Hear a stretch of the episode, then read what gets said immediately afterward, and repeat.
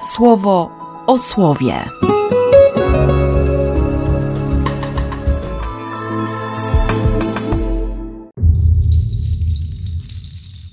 Dziesiąty lutego, czwartek. Z pierwszej księgi królewskiej. Król Salomon bardzo lubił kobiety. Miał siedemset pełnoprawnych żon i trzysta nałożnic. Za żony brał również cudzoziemki, córkę faraona, Moabitki, Amonitki, Aramejki, Edomitki, Hitytki, Amorytki. To jest brał od pogan to, czego Pan zakazał synom Izraela, mówiąc: Nie zadawajcie się z nimi, a oni niech nie zadają się z wami, aby nie odwiedli waszych serc i nie zwrócili do swoich idoli. Salomon jednak lgnął do tych kobiet i kochał się z nimi. Miał on siedemset pełnoprawnych żon i trzysta nałożnic. Kobiety odwiodły jego serce. I przez to, gdy Salomon dożył starości, jego serce nie było tak nieskazitelne względem Pana, jego Boga, jak było serce Dawida, jego ojca. Owe obce kobiety skierowały jego serce ku swoim bogom. I zbudował Salomon tak zwaną wyżynę dla Kemosza, idola Moabu, i dla ich króla, idola Amonitów, i dla Asztarte, obrzydliwości Sydończyków. I zrobił to samo wszystkim swoim kobietom cudzoziemskiego pochodzenia, aby mogły palić kadzidła i składać ofiary swoim idolom. Dopuszczał się zatem Salomon tego, co złe w oczach Pana. Nie podążał za Panem, tak jak to czynił Dawid, jego ojciec.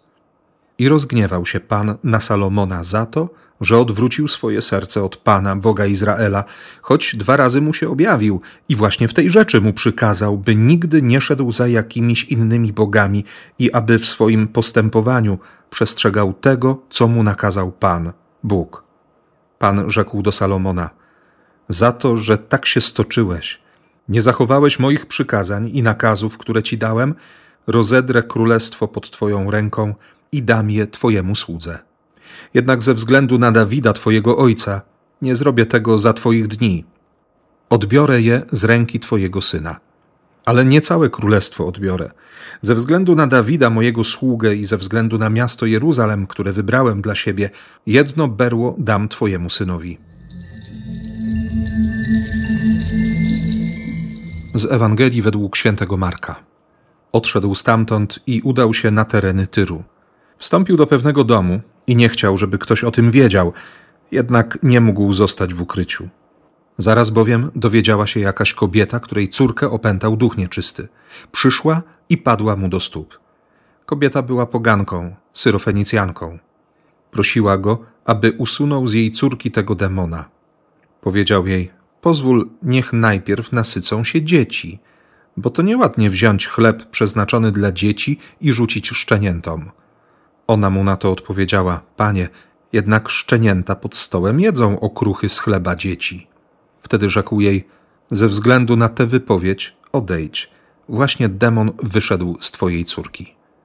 Po powrocie do swojego domu zobaczyła, że jej dziecko odpoczywa na sofie i że demon odszedł. Tyle się dzisiaj dzieje w tym słowie, że trudno to ogarnąć. Chociaż e, kiedy od rana próbowałem porównać albo znaleźć wspólną część pierwszego i drugiego czytania, to, to pomyślałem sobie właśnie o szczerym sercu i o słabości.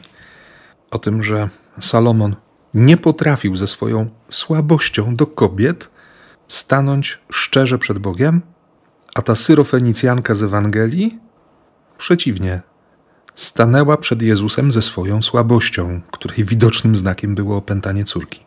Przyszła i szczerze opowiedziała o tym, co się dzieje. Pokazała słabość.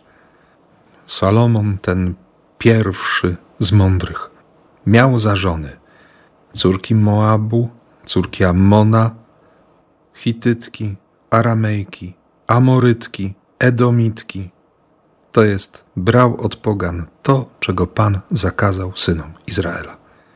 Lgnął do tych kobiet Salomon.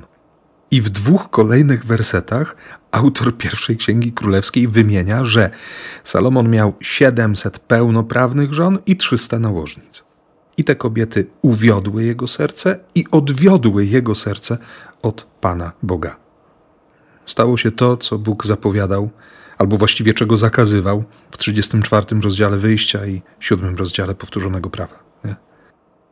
Więc serce Salomona nie było tak nieskazitelne względem Pana jego Boga, jak było serce Dawida. Nie bezgrzeszne, tylko szczere.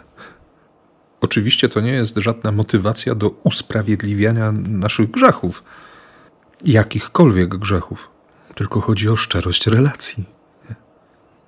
A Salomon zaczął budować wyżyny, świątynie dla idoli, dla bożków, dla obrzydliwości. Dopuszczał się zatem Salomon tego, co złe w oczach Pana. Może w jego oczach wydawało się dobre to, co robił, nie? Ale, ale spojrzenie oczu Boga jest ważniejsze.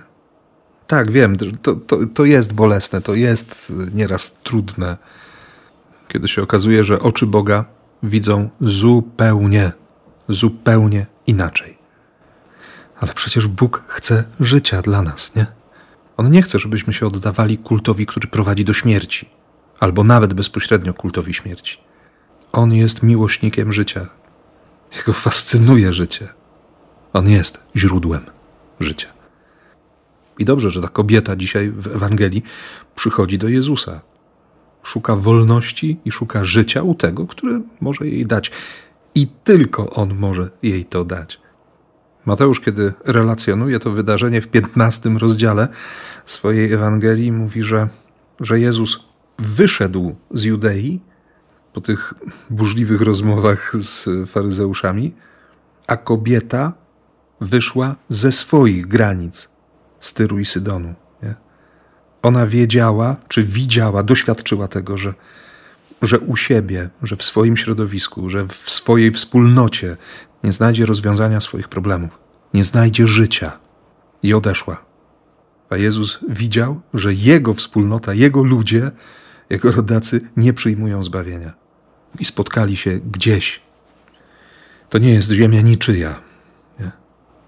ale to jest przestrzeń, gdzie teoretycznie łaska się nie powinna zadziać. I to też jest bardzo mocne. U Mateusza przestrzeń, gdzie, gdzie nie powinno się wydarzyć to dobro, bo, bo nie te warunki, nie te okoliczności, nie taka okolica. No jak Bóg może tam się znaleźć? Nie? A u Marka dom, bezpieczne miejsce, ukryte nawet bo nikt miał o tym nie wiedzieć. Ale ta kobieta po prostu potrzebuje, potrzebuje poczucia bezpieczeństwa, potrzebuje e, łaski, potrzebuje, potrzebuje tego, czego nie da jej nikt inny. Potrzebuje życia. A skoro nie da jej tego nikt inny, to staje przed Jezusem. I dialog jest przeciwny. Pozwól, niech najpierw nasycą się dzieci. Tam przepięknie tłumaczą to ojcowie Kościoła, że ta kobieta, ona wie, kim jest ale mówi do Jezusa: Skoro Ciebie odrzucają ci, którzy powinni Ci wierzyć, to ja chcę wziąć wszystko. Możesz mi mówić, że nie powinnam, że się nie nadaje, że to nie dla mnie, ale ja chcę. Nie, mieć taką determinację, kiedy, kiedy stajesz przed Bogiem, kiedy staję przed Bogiem. Tak się modlić. Taka szczerość i taka czelność, żeby nie powiedzieć bezczelność. Ze względu na tę wypowiedź odejdź demon wyszedł z twojej córki. Jest motywacja do gwałtownej modlitwy, do konkretnego, ale przede wszystkim szczerego spotkania, żeby nie ukrywać słabości. Salomon nie potrafił przychodzić ze swoją słabością przed oblicze Boga. Mijały lata i, i stracił relację, tę najważniejszą relację. Ta kobieta po latach w udręczeniu, w doświadczeniu śmierci, w jednej chwili w jednym spotkaniu przekonała się, że, że Bóg naprawdę jest źródłem życia, że jest szansa na życie, mimo długiego czasu w towarzystwie śmierci. Ona doświadczyła tego, że jest szansa na życie. Takiego przekonania, takiego doświadczenia i takiego świadczenia wobec tych, którzy, którzy być może nie potrafią szczerze stanąć przed Bogiem. Tego Ci życzę. I błogosławię, jak tylko potrafię, w imię Ojca i Syna i Ducha Świętego. Amen. Słowo o słowie.